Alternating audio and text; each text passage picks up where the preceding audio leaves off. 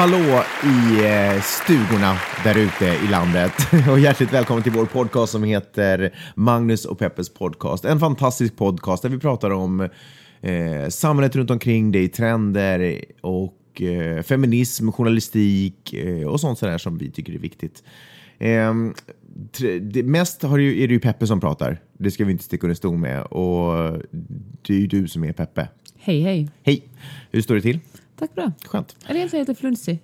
Ja, det, vi är båda lite förkylda. Flunsig är alltså finlandssvenska för att vara förkyld. Eller att ha drabbats av influensan kanske det är väl egentligen den korrekta översättningen. Jag försöker hålla på min charmiga finlandssvenska här. Otroligt charmig.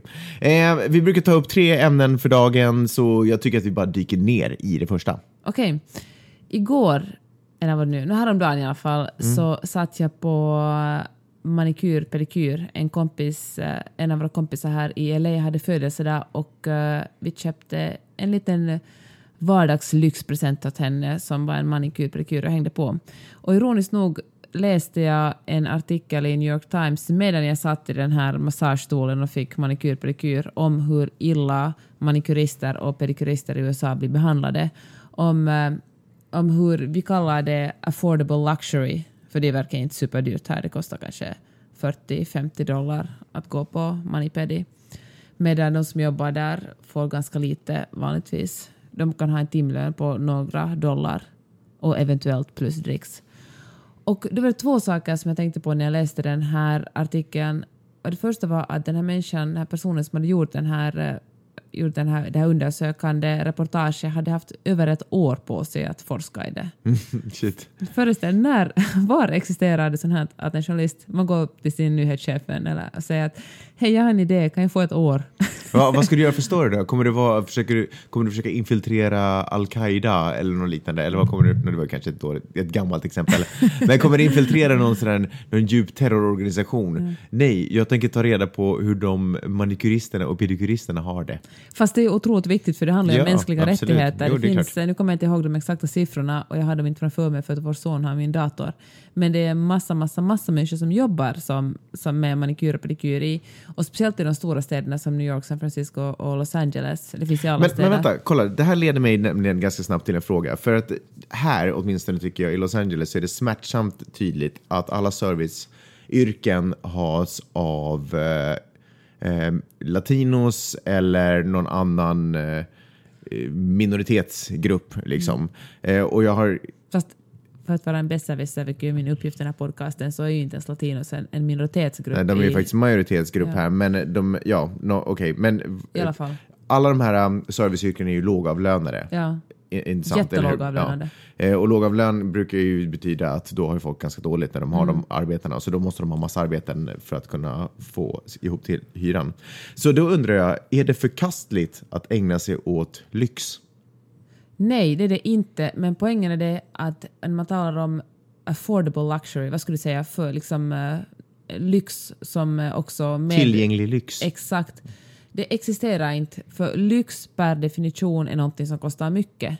När vi köper sånt som vi tycker att är lyx, men, tyck, men det är billig lyx, Så det är- då okej. är det på någon annans bekostnad. Det är samma sak som när vi köper billiga kläder på H&M eller när vi åker Uber som då kommer ut med att säga att varje vanlig typs eh, privatchaufför då utnyttjar vi också folk som får jättedåligt betalt. Men får jag nu säga något innan vi går över Men till alltså- Uber, för jag vill också tala om det, får jag nu gå, tala en stund om de här manikyristerna? Okej. Alltså det intressanta med New York Times var att de publicerade den här eh, artikeln på fyra språk, på engelska, spanska, koreanska och kinesiska. Eller fan, kanske det var vietnamesiska ibland där. Men i alla fall på fyra olika språk kom de ut. För att också de som jobbar i de, som mani- manikyrister ska kunna läsa det, Ja. för många av dem talar inte engelska. Och uh, hon berättade den här, för jag läste sen en annan intervju med den här, med den här, med den här själva journalisten som hade gjort storyn, så in, Vice tidningen intervjuade henne. Och hon berättade att de tre första månaderna hon bara stått, uh, har hon bara gått och försökt leta upp manikurister utanför de här uh, salongerna och haft en tolk med sig och frågat hej vill du ställa upp och berätta din historia, hej vill du ställa upp och berätta din historia. Och sist hittade hon, eh, började hon, och det var ingen ville ställa upp till att börja med, och så började hon hitta sådana personer som hade äh, dragit sina arbetsgivare inför rätta, för tydligen de här arbetsgivarna är ganska grymma och tar de mesta pengarna. Och i början när man börjar som manikurist, innan man blir tillräckligt bra, så jobbar man gratis.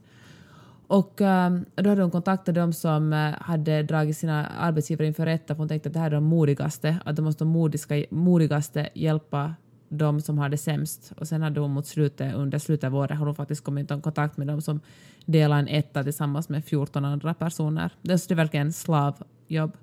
Och där sitter jag medan mina naglar blir fixade och känner att jag verkligen utnyttjar en annan människa.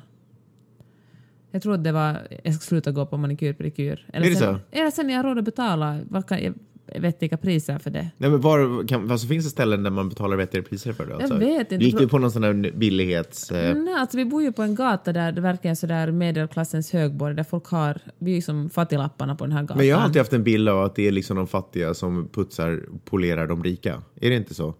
Men, eh, Så det kommer ju alltid vara att man ut, alltså lyx är väl någon form av utnyttjande av andra människor? nej, jag tror inte. Jag tror att Beyoncé och Jay-Z ägnar sig åt lyx. Det är vi som medelklassen som Tror, lurar tror du oss att de har rika människor som putsar deras tår? Jag tror att deras, de människor som putsar deras står får ordentligt betalt. Mm. Sen kan man ju säga att vad är ordentligt betalt? Minimilönen här i LA är väl 9 eller 10 dollar.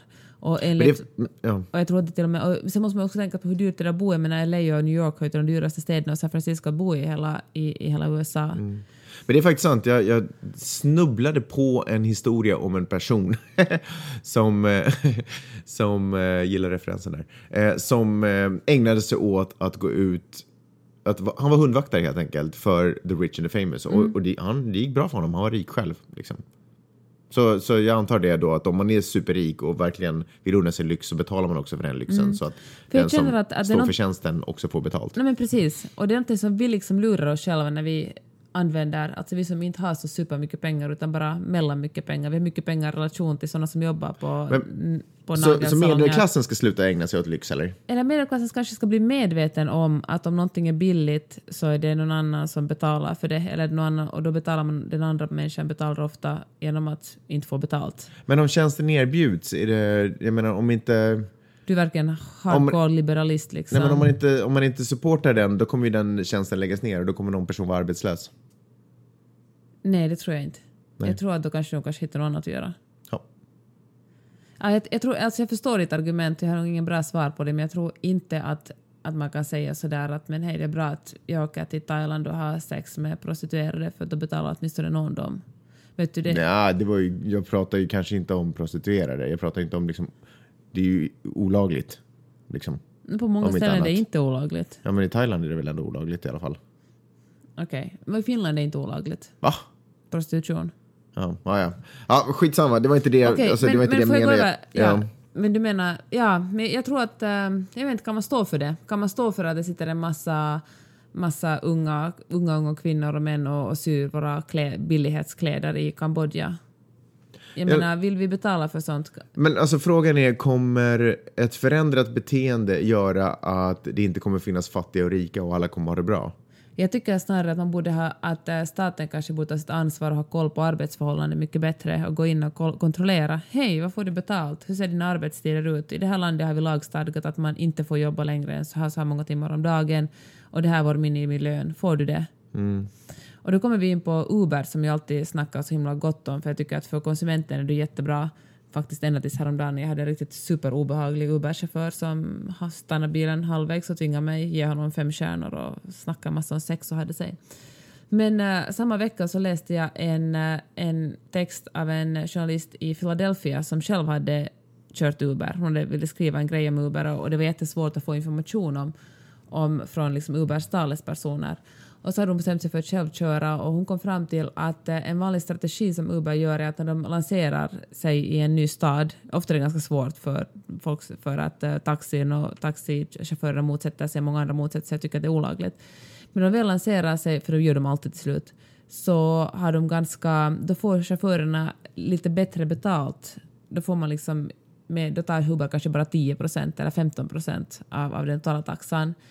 Och sen när Uber har, har etablerat sig och folk tycker att det är en bra service och de har massa kunder så då tar de en större bit av kakan. Och hon kom fram till att eh, det är ganska lite som att man, att det är också oftast under minimilönen när man kör Uber. Att det funkar helt okej som ett, eh, kanske som ett, ett tilläggs, eh, vad heter det, ett, ett, ett, som en extra, ett extra jobb. Mm. Men ganska dåligt att, att försörja sig. Plus att Uber är väl ganska sneaky när det kommer till eh, till exempel försäkringar. att de är jättenoga med att, att de inte betalar någon försäkring utan den som kör själv, att föraren ska själv betala försäkringar och försäkringar är en big deal här i USA att förlorar man sin försäkring så ligger man jäkligt illa till. Ja. Eh, ja, men alltså, jo, det är sant. Och, och jag håller fast vid det, alltså ur en, ur en konsumentsynvinkel är det ju jättebra att uh, det finns något som Uber. Men, uh, men fan, eh, och det, ja, och det har också lett till att medelklassen, i början är det ganska många studerande och medelklassmänniskor som kör Uber för att de tycker att det är en bra inkomst. Men när det blir tajtare och tajtare och de märker att de egentligen bara tjänar, att man egentligen tjänar mycket under minimilön så slutar de och då är det igen de som egentligen har det sämst de som förra kört taxi och blivit arbetslösa. De som kanske inte riktigt har språket från andra, andra jobb som börjar köra, som kör på svältlöner. Eller. Alltså svältlöner är det ju för att de kör, de, de, ser, de tänker sig att det kan vara ett heltidsjobb. För att Uber går ut och säger att i New York kan man få 90 000 om året som Uber-chaufför. Som, det, det är liksom det reklamen för i San Francisco 75 000 om året, vilket är ju sjukt mycket pengar. Mm. Men ingen når upp till det här. Nej, hon, eh, jag läste den där artikeln sen. Eh, den var sjukt lång faktiskt, måste jag säga. Den var jätte, vill lägga upp den här och New York Times-artikeln på vår Facebook-sida. De var båda superbra. Du, eh, ja, jag vet inte om jag tyckte att den här Uber-artikeln var så himla bra. Ja, men kanske, alltså det kom fram en, liten, en del intressant information där också. Men ja, eh, nu kommer inte jag ihåg vad jag skulle säga. Eh, men nej, just det, det gjordes väl en uträkning om att för att man ska tjäna 90 000 så skulle man måste jobba 27 timmar varje dag, 365 dagar om året. Eh, så det är alltså en omöjlighet. Så om man har en tidsmaskin så funkar ja. det bra. Så, men, men jag tycker att det hänger ganska intressant ihop med den här nagelsalongdiskussionen eftersom det också handlar om att alla ska ha sin egen privatchaufför. Mm, ja, det att någonting är, om, om någonting är jätte, jättebilligt så ska man vara lite misstänksam. Det är kanske mm. min poäng. Ja. Att då ska man veta att det kanske är någon person som utför den här tjänsten som blir utnyttjad. Men det, men det jag tycker är intressant är att så här började ju inte Uber. Det här har ju Uber utvecklats till. Uh, Uber började ju med liksom de här svarta, eller liksom Uber mm. Black eller vad heter det, mm. sånt. Eh, kostade lite mer. Eh, fast, fast, fast, då fanns det ju ingenting att jämföra med. Men mm. det var ju ändå då var det ju skäligt betalt och jag antar att de bilarna fortfarande, för de, den klassen ja. finns ju kvar liksom, och de är väl liksom typ skäligt betalda. Eh, men sen så införde de, men sen så gick det liksom så pass bra så ville de utveckla de är giriga. Ja, nej, men det är exakt det de blev. Det var ju precis det de blev. De blev giriga. Då försöker de skjuta in en billighetsgrej för att få in ännu mer och få in en helt annan kategori av människor. Eh, och så tar man bara mer och mer och mer av det. Mm. Det är synd det där med girigheten när jag slår på. För det var inte så att de blev fattiga på det där första konceptet heller. Alltså det värderat till 60 miljarder eller något ja. sånt. Alltså så här löjliga, alltså här låtsassummor. Jag har hört någonting om att de gör typ så här en miljon i minuten. En miljon typ. i minuten? Ja men ungefär. Ding, ding, ding, ding. Ja, men, är, men tänk alla bilar hela tiden som tickar och så, tar de, och så tar de 20 procent av det. Ja. Jag vet inte, var det 40 städer de fanns i? Jag det måste inte. vara mer alltså. Ja men du vet, det var helt idiotsummor. Helt, helt crazy man. Alltså jag, på något sätt, jag gillar den där um, jag tycker det är, de, de har ju tydligen ganska, de är ju väldigt aggressiva i sin marknadsföring. De, som sagt, de skiter ju i regler i städer och, och, regeringar och, och alltihopa. Fortfarande stämmer tydligen det här, kör man Lyft som är den konkurrerande verksamheten här så köp, betalar Uber ännu 500 dollar mm. för varje Lyft-chaufför som går över till Uber. Mm. De är väldigt aggressiva, de är så gott som omöjliga att få tag på om man inte liksom skickar meddelande via appen som har en, liksom, som en kund. Du vet någonting man varit med om, mm. man vill klaga på någon resa någonting, då är de ganska snabba på att höra av sig. Ja. Eh, om det är någonting annat man utöver det undrar så är det tydligen ganska svårt att få tag på dem och, och som press så lär man inte ska få tag på dem överhuvudtaget. Jag har aldrig försökt. Men eh, det, det, liksom, det, känns som att de, jag på något sätt tyckte det var lite coolt i början att de var lite respektlösa och ville föra in någonting nytt för att alla är trötta på att åka taxibilar mm. att de bara ska ha någon monopol. Mm. Så jag gillar liksom den grejen. Men jag tycker inte att det är soft att man inte spelar med, liksom. att, man inte, att man ställer sig över alltihopa. Det är liksom inte det är inte skönt om man använder det på ett negativt sätt. Du menar att de är ingen ny och fräsch utmanande startup längre utan Nej, nu är, nu är de liksom the man? Ja men exakt, för nu börjar de corporate. buffla liksom. Nu börjar de buffla med, bara för att de fick massa pengar liksom. Mm. Så nu kan jag nästan lite tycka, och det är roligt för att Google är naturligtvis en gigant jämfört med dem. Men Google ska börja konkurrera med dem. Så nu skulle jag väl lite vilja att Google satte dem på plats. Lite sådär kan jag känna. Ah, skitsamma. Den, ingen av dem kommer, alltså i det kriget så antar jag att det är bara jag som förlorar. Ah, som, kon alltså, konsument vinner du ju. Alltså, vi får se vad som händer. Om du fortsätter att understödja dem. Ja. Hör du, jag tänkte snacka med en annan grej. Okej. Jag tänker snacka om polisskjutningar igen. Okej. För ganska nyligen så sköts en snubbe här nere i Venice, en, en hemlös kille. Mm.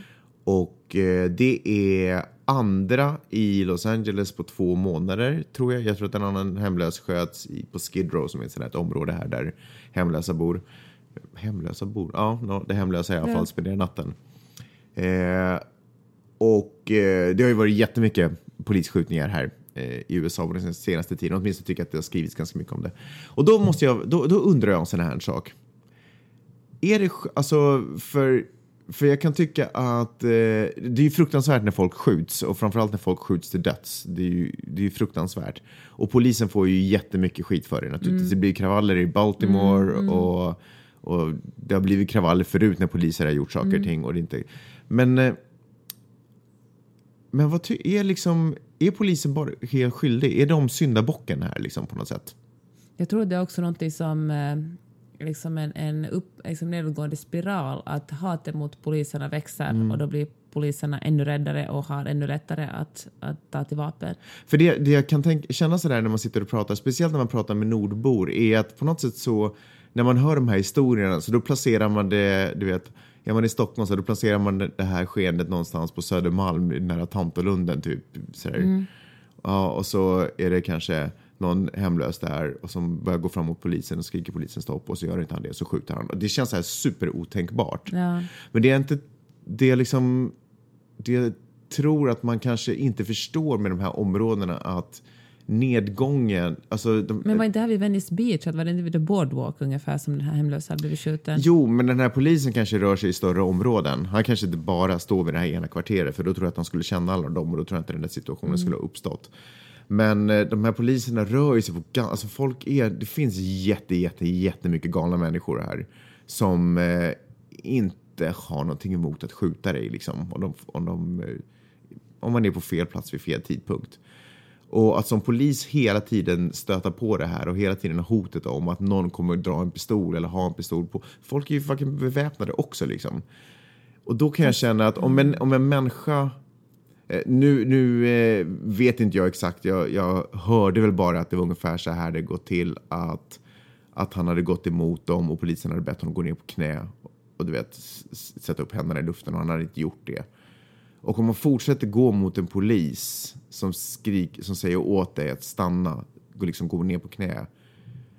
Och jag menar, om du tänker dig själv om du var polis och du gör det och så ser du att personen fortfarande kommer emot dig.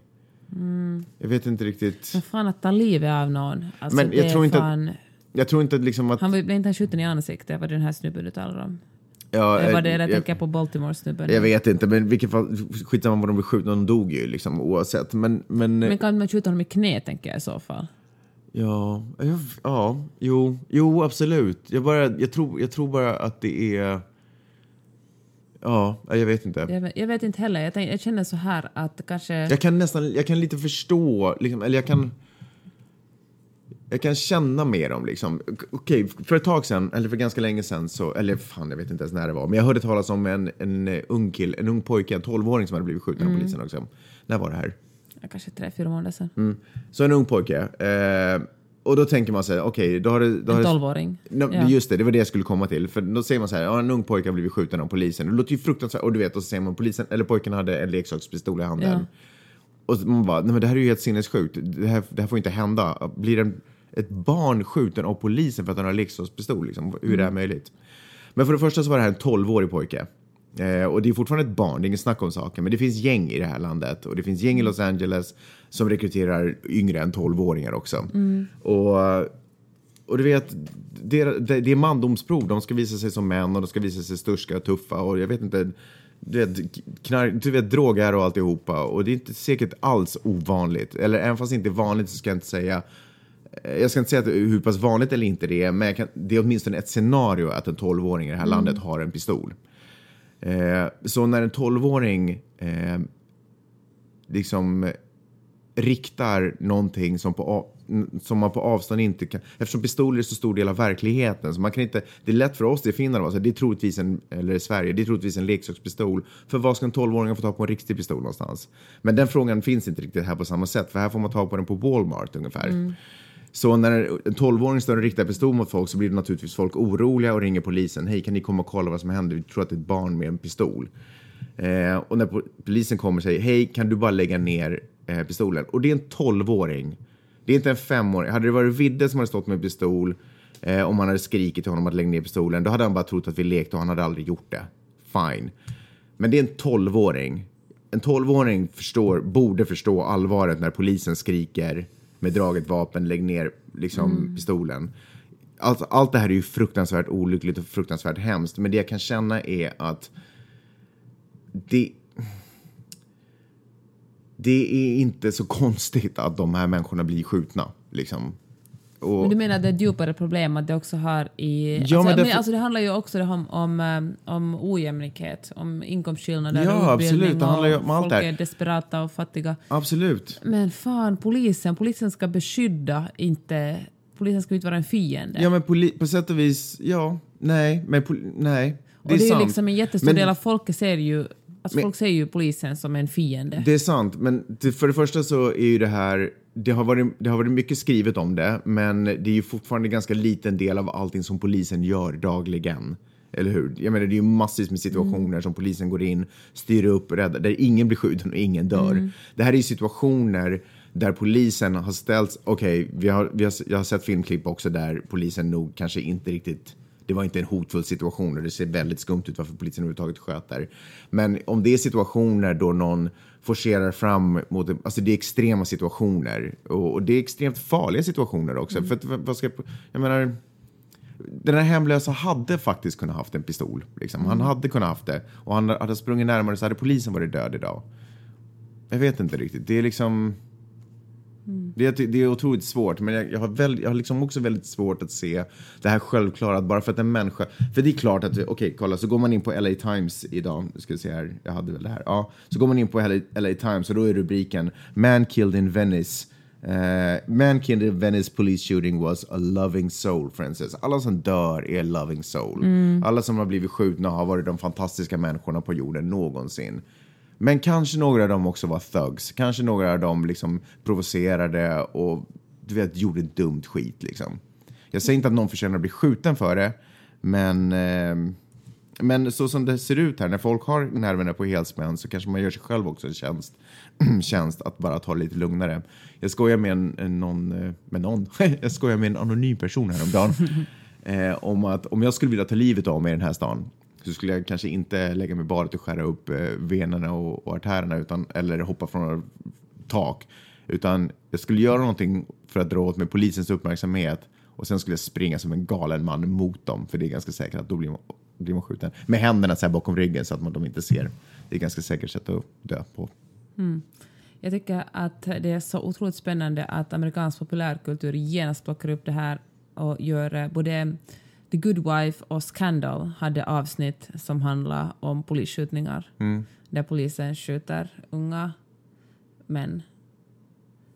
Alltså det, det är ett Alltså, land med det- otroligt mycket adrenalin och det är inte så... Det, inte, det finns ju en liten sån här cowboy-mentalitet kan jag kanske tycka eh, i det här landet. Ja, verkligen. Och, men, men det är inte så att alla inte vet om det. Alla vet ju om det. Så varför sätta sig i de situationerna där man blir skjuten?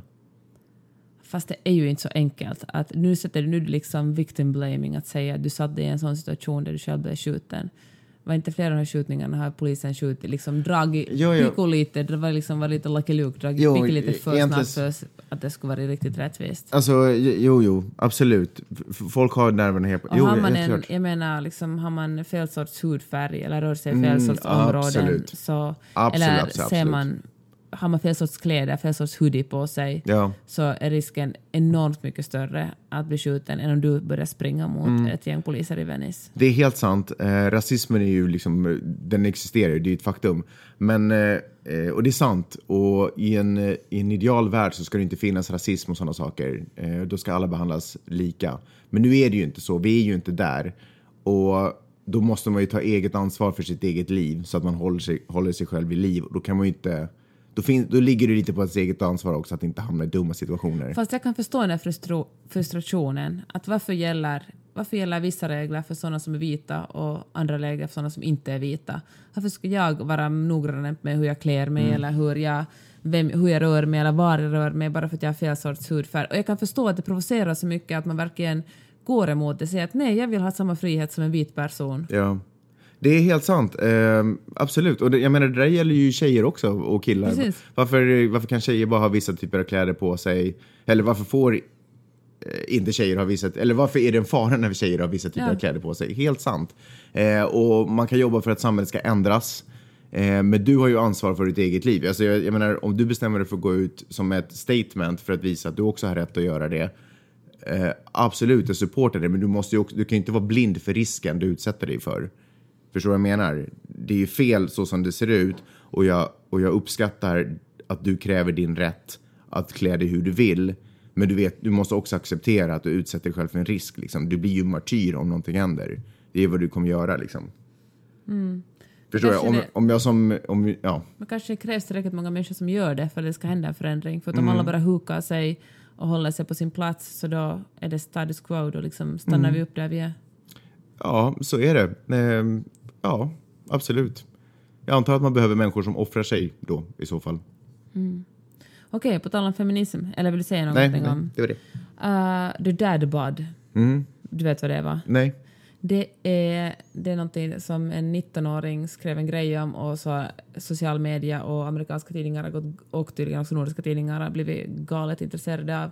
The dad bod är någonting som en 19-åring, någon som går på college, kallar en man mellan 30 och 40 som går på gymmet men också äter pizza och dricker öl. Ah, just det. Dad body. Just det, det är med. Ja. Just det. Och uh, tydligen, man behöver inte vara pappa. Alltså för- min kropp. alltså din kropp. Ja. Din och Leonardo DiCaprio. Det kommer sig att alltid när vi pratar om kroppar så råkar det vara just min kropp. Den enda kroppen jag ser naken nu Och det är, hur kommer det sig att varenda gång vi pratar om min kropp så är det under en podcast? Varför kan vi inte sitta och snacka om min kropp annars? Vi, behöver, vi kan tala om Leonardo DiCaprios kropp också. Okej, skönt. Okej.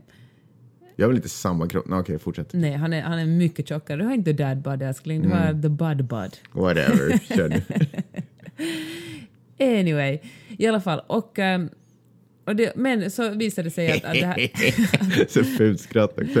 att det här är det nya, det är det nya sexiga nu att ha the dad bud. Aha. Och det finns flera rubriker som lyder så här att det här, uh, av de här orsakerna blir kvinnor attraherade av the dad bud. Och en orsak är det här att för kvinnor är det viktiga att vara små och se smala ut. Och tydligen blir, ser man ännu smalare ut om man har en snubbe bredvid sig som är lite lönnfet. Så det är sådär som när man går ut Så med när man går ut med en ful polare på krogen för att man själv ska se snygg ut. Så alla män runt om i världen är kvinnors fulla polare. Soft att skaffa sig en partner med de premisserna. Men alltså, men eh, sen, ja, så skrev jag ett blogginlägg om det här för det är ju liksom skrattretande för att jag, jag, jag tänker, för så är det här för en tid, eh, under en tid, nu har liksom också männen haft lite mer ehm, press på sig. Jag tänker att din, din pappa och min pappa är av den generationens män som kanske inte tränar supermycket eller la upp bilder på Instagram på sig själva efter att de hade varit på och träna liksom. Nej, Men nu har det gått... det är inte ens, är jag ens den generationen? det är nog lite. Men, men nu har, men nu har, vi, kommit, nu har liksom vi kommit så långt att också männen sådär objektifieras lite. Man ska ha David Beckham är kanske en av, av förövarna på det här. Liksom. Man ska vara jävligt snygg som man också. Och eh, det funkar ju inte längre. Ingen, Alltså, europeisk fotboll har ju satt standard för den manliga kroppen. vad heter den svensken som var så jäkla Lindström? Eller, Ja, han som gjorde kalsongreklam. Ja. Vänta, vad fasken hette han? Fredrik Lindström. Nej, vänta. Nej. Nej. det är. Eller Dadbud. Anyway, men, men då liksom skapar, skapar man det, det nya sexiga som är the dad bod. Ja. Som, em, som är alltså, det- som, alltså det nya sexiga är att träna lite och äta lite pizza och dricka lite öl. ja. Medan kvinnor fortfarande ska vara så smala som möjligt. Och eh, jag tycker det här, liksom, jag tycker, jag tycker att det är good for you, karlarna liksom. Grattis bara. Jag önskar att, att vi, vi kvinnor skulle vara i samma situation som ni och få ha liksom the man bod. Men istället så håller ju Men för, då får ni inte egentligen ha det Nej, vi riktigt. får, nej, alltså det finns olika standard för män och kvinnor. Du kan inte argumentera mot mig i det här. Säger du att män har samma kroppspress på Nej men, sig som vet, kvinnor? nej men kolla här, jag, jag måste kanske lite argumentera emot dig där därför att eh, om du pratar om mod, modeller eh, så ser de kvinnor, kvinnliga modellerna ut på ett visst sätt och manliga modellerna ser ut på ett annat sätt. Där kommer inte liksom lönfeta killar upp på Armanis eh, planscher, liksom, eller hur? Det är ju... Titta på skådespelare. Titta på kvinnliga skådespelare och manliga skådespelare. Fair enough. I skådespeleriet, om du tittar in, däremot om du sen börjar titta till musikbransch och popindustrin i alla fall, så där är ju alla unga och söta. Eller hur? Både killar och tjejer. Det finns ju inte lönfet popsnubbe. Okej, men sen de fyller 30-40 så får de bli lönfeta Men då får de igen. inte hålla på med pop heller å andra sidan. Eh, inte ens Duran Duran ser ju lönfet ut. No, okej. Ingen har tänkt på Duran Duran på 15 år, älskling.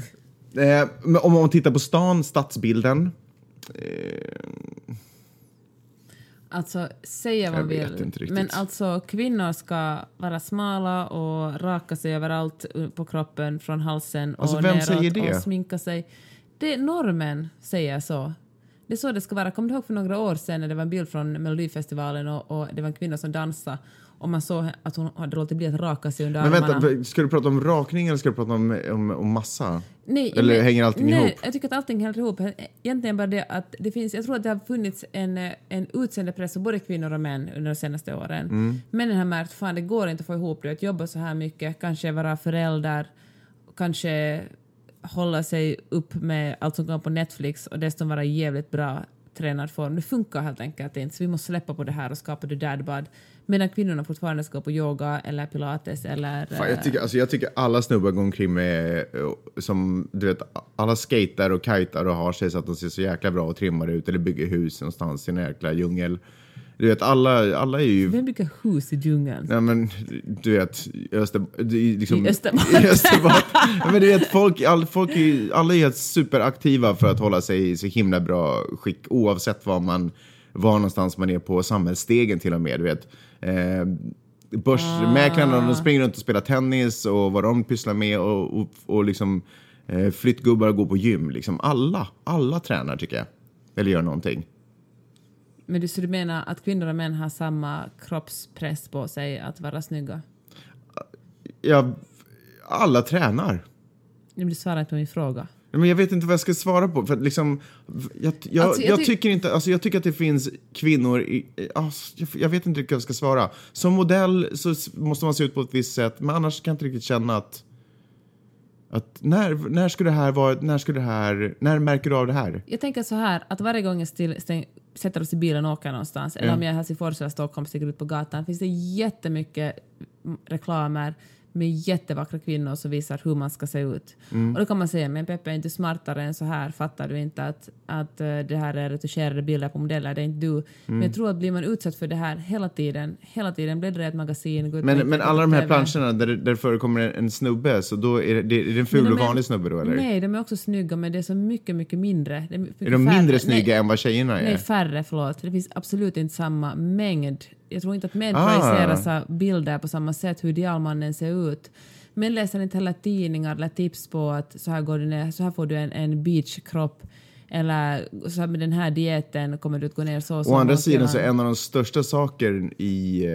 Vi snackade ju om sport tidigare. Det är ju Mm. ett gigantiskt stort. Man ser ju sport överallt hela tiden. Och det är ju trots allt bara manlig sport som presenteras hela tiden. Så där Fast- kommer ju kroppsidealet direkt. Mm, nej, jag håller inte alls med om det. För att manlig sport handlar lika mycket om att titta, att vara ett fan, som att springa. Alltså, det, alltså fotboll eller ishockey eller fan tennis eller vad ni nu allt sysslar med. Det handlar ju om, det handlar lika mycket om att sitta och dricka öl och vara en del av fanen. Det handlar inte alls om att, att ha den där perfekta sportkroppen. Nej, men handlar inte om att eh, de där Plus- kropparna projiceras? Plus att det är en annan sak, när man gör idrott så använder man åtminstone kroppen för någonting. När H&M lägger upp sina sommarbikinireklamer så är man bara ett passivt objekt. Jo, jo, men fast nu pratar vi inte om, om bilden av kvinnan som lockbete eller som en egen person. Det är inte det vi pratar om. Vi pratar om ideal, eller som, om utseendeidealet.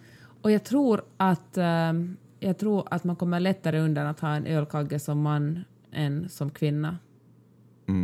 Att det finns eh, att normen fortfarande är, eller liksom som kvinna måste man ha, ha hårdare utseendekrav på sig. Jag, jag ska vara helt ärlig, jag är inte så nöjd med min ölkagge och jag är inte så nöjd med din ölkagge. På det sättet man säger att vi är, he- vi, är helt, vi är helt jämställda. Jag är lika missnöjd med din ölkagge som med min. Vits så.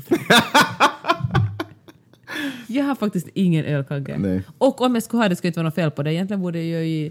Kanske jag har en. Jag har en liten putmage. Anyway, det handlar inte om min kropp. Det är för att du inte pruttar. I alla fall. Ja. Min poäng i den här diskussionen är att uh, the dad bod är ju fan idealet, det är ju fan drömmen. Alltså, För en kvinna eller för vem? För alla. Ja. Att, att träna lite. Träna lite. Att träna lite Så man och... mår bra och kunna äta pizza och dricka öl ibland. Det är fan... Så borde alla få se ut. Ja, ja det, det tycker jag. Så nu hem och träna och, och fira det med en liten pizza. Okej. Okej. Hörru, ehm, vi hörs om en vecka. Hejdå. Jag drar. Tja! Alla texter, alla referenser och allting som vi har pratat om i den här podcasten så kommer vi lägga upp på vårt Flipboard Magazine som vi också kommer länka till på vår Facebook-sida så ni hittar det där. Men all, eftersom sådär under veckan när den, eftersom den tickar och vare sig det kommer en podcast eller inte så brukar vi alltid lägga upp artiklar som vi tycker är intressanta och roliga. Så man kan gå in där och kolla. Den heter Magnus och Peppes podcast och den finns på Flipboard. Jag antar att man hittar den så. Eller vad tror Vi du? länkar från Facebook. Och vi länkar också Ja. från Facebook. Ja, ja, men precis. Det gör vi. Så där, ni hittar den där om inte annat. Hörni, supertack för att ni har lyssnat. Det var jätteroligt idag. För mig. För mig också. Hur- Förutom fan den där ölmagskommentaren. Mm, I'm just... Um, I call it like I see it. ha det så bra. Hej då.